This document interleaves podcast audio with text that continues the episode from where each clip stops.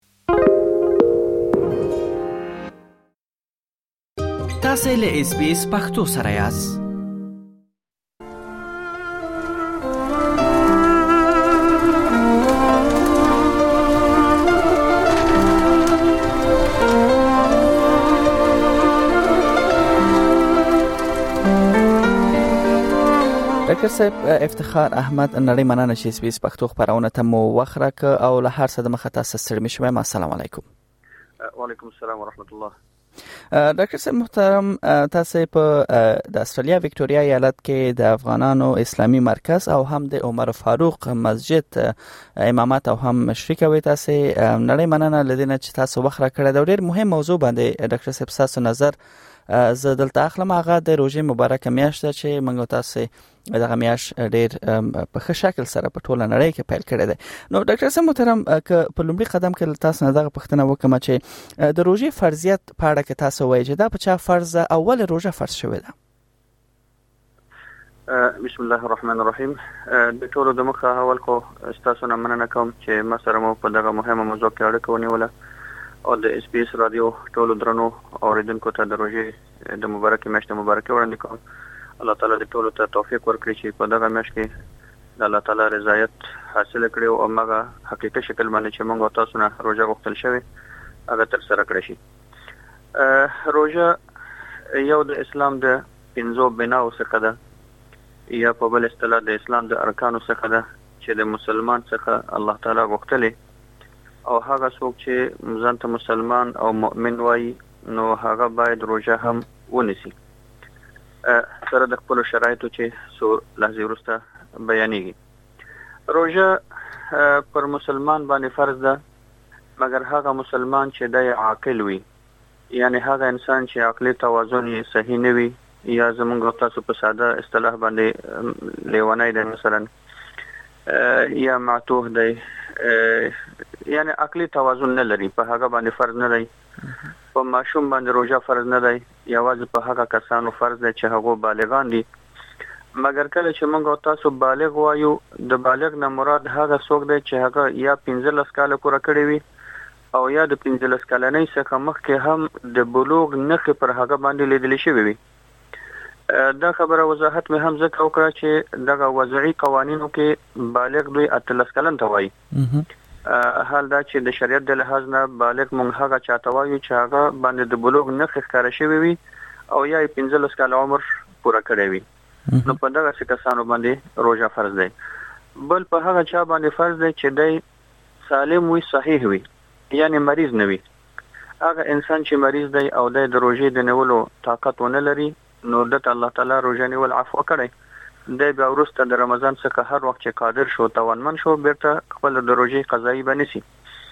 بل په هغه چا باندې فرض دی چې دی مقیم وي، یعنې په خپل کور او کلي کې اوسیږي، مسافر نه وي. مسافر باندې روژه فرض نه ده،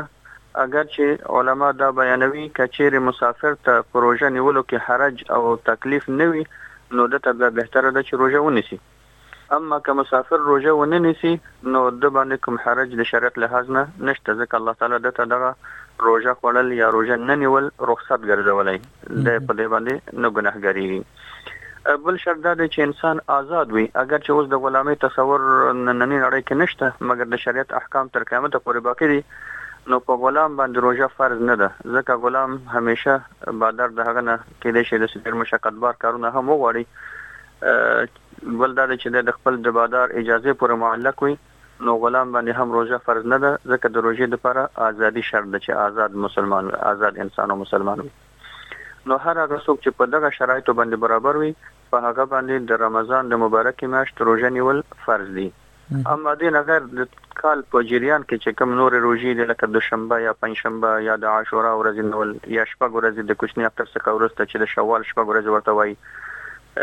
یا د میاشتې درې ورځې روژې دا بیا ټول نفلي روژې دي که چا ونیول الله به ډېر زیات اجر ورته ورکړي که چا ونه نیول نو مکلف پر هغې باندې نه دی دی صحیح او بل ډاکټر صاحب محترم زما پښتنه به یعنی او ډیر اوریدونکو ته به هم دا ډیر مهمه وي که تاسو دا هم واضح کې چې روزه ولا فرض شو مقصد یې سره دلته ډیر مقاصد دي لومړی قدم کې خو دا دی چې مسلمان الله تعالی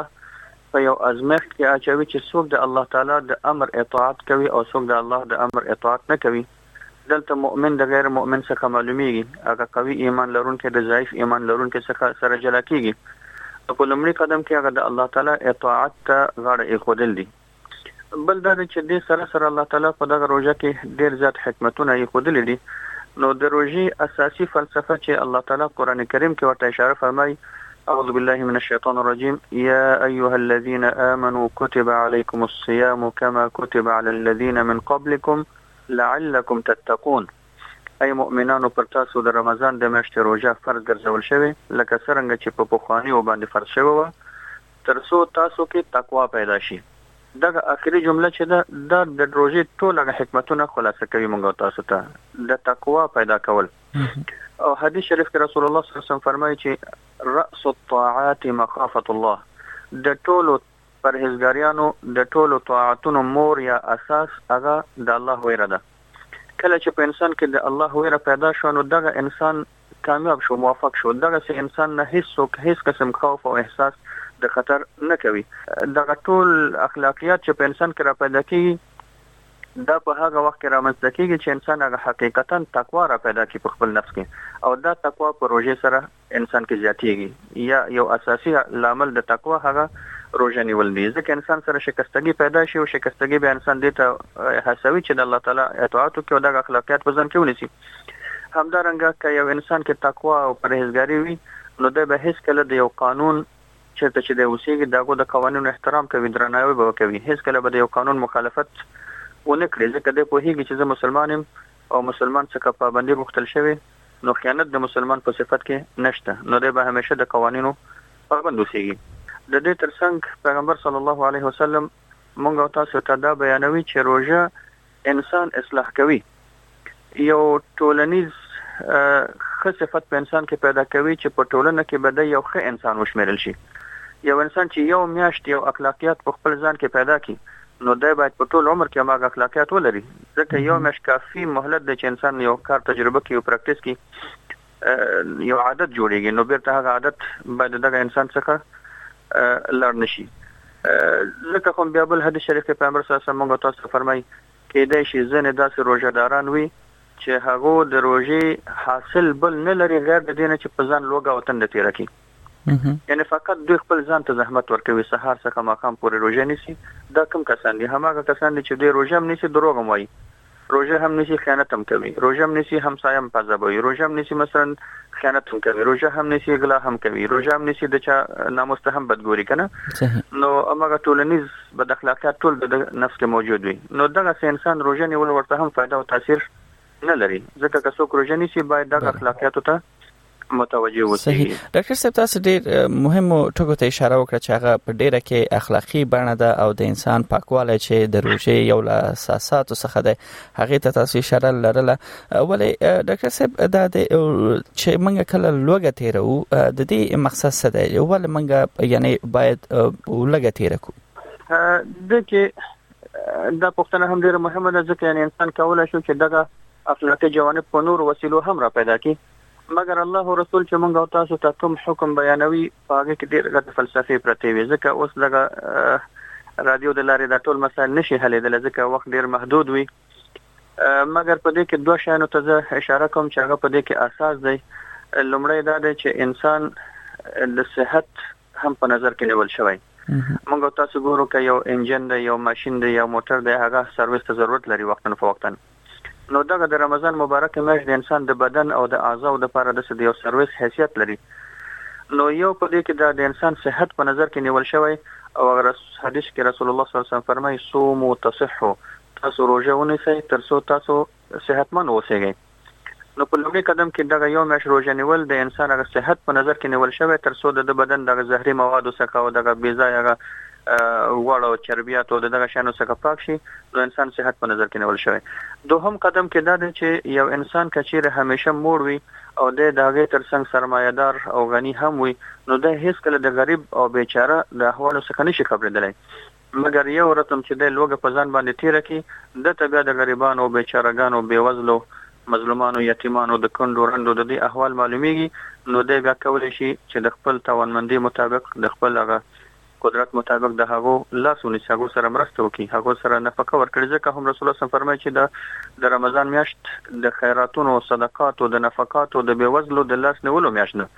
صحیح بل ډاکټر صاحب محترم وبخښئ چې تاسو خبره مقطع کړه دلته یو مهم اصل ته تاسو اشاره وکړه چې هغه مثلا د غریب حال کې ځان یعنی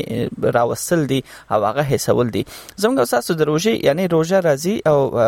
یعنی په مقصد باندې ځان منګه خپوی نه کو ځکه روژه کې که روژه مات کې ډیر زیات خواړه وي لس رقم خواړه وي همداسې مثلا په سحری کې یا په پښنمی کې هم همداسې ډیر زیات خواړه وي دومره منګه وخورو چې بیا ټول ورځ زمونږ مغه کې دی شي هغه میدم دومره ډکه وي چې هغه نه منګه پتنګ وسو نو آیا د اصل مقصد پوره کوي د روژې دلته یو نقطه خدا ده چې انسان باید دغه بیچارهګانو بېوزله خلک د غریبان چې هغه کې د شروژه نسی او هغه په افطار په وخت کې غیر د یو ګټ اوبونه بل څه شیونه لري یا د یو مړیو چې ډوړې څخه بل څه شیونه لري نو دلته انسان ته لازم دی چې د خپل خوراک هغه د اسراف حد نه وباسي او د خپل اضافه خرچ کوي د غریبانو بې وزلو ته ورکی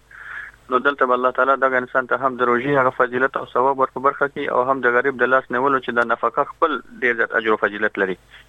او حدیث شریف کې رسول الله صم فرمایي چې هغه څوک یو انسان ته روژه دار ته یعنی حتی فقط یو خرما هم ورکړي که نور شی ور نکړي نو دغه انسان ته د ټول ګناهونو مغفرت دی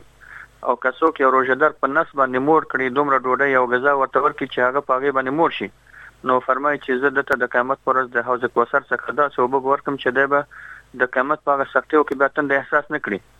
نو سبحان الله که دې ته وګورو دا ډير غټ فضيلت دی نو اصلا مسلمان هم دې ته تشويق شوی دی چي خپل ځان باندي دا چون دا د روژې مياشت اصلا د صبر مياشت ده نو انسان د دغه غذا په مقابل کي لږ صبر وکړي او دا خپله غذا کمه کړي او مسکينانو غريبانو ته ورکړي اما که یو انسان ته الله تعالی قدرت او استطاعت ورکړی دی خپله غذا هم منظموي او یعنی یو څه فوق العاده خوراک کوي او په ضمن کي دغه بیچاره ګان او مسکینان هم نه هیروي نو په دغسي انسان باندي بیا باک نشته خو ښه داده چي انسان خپل وسې نظر ونیسي او دغه ټول غریبان ځان سره په دغه نعمت کې شریک کړي صحیح ډاکټر صاحب محترم څنګه چې دا موضوع ډیره زیاته پراخه ده او تاسو علم هم ډیر زیات دی نه کولای شو چې په ساتو باسو کوله د پروګرام د وخت کمی لوجه نه زما روسي پښتنه بل تاسو نه دا وی چې روزه ډیر زیاته فلسفه لري ول په ځنګړي ډول کې د دې فلسفه دلته په استرالیا کې میشت ځوانانو ته په ټوله کې ځوانانو ته یا خلکو ته تاسو یو څه بیان کړئ نه دا به هم خوي که زه دا ټوله روژه خلاصه کوم دا خو خلاصه کېدلی نه شي په یو جمله کې یا په یو یو لنډ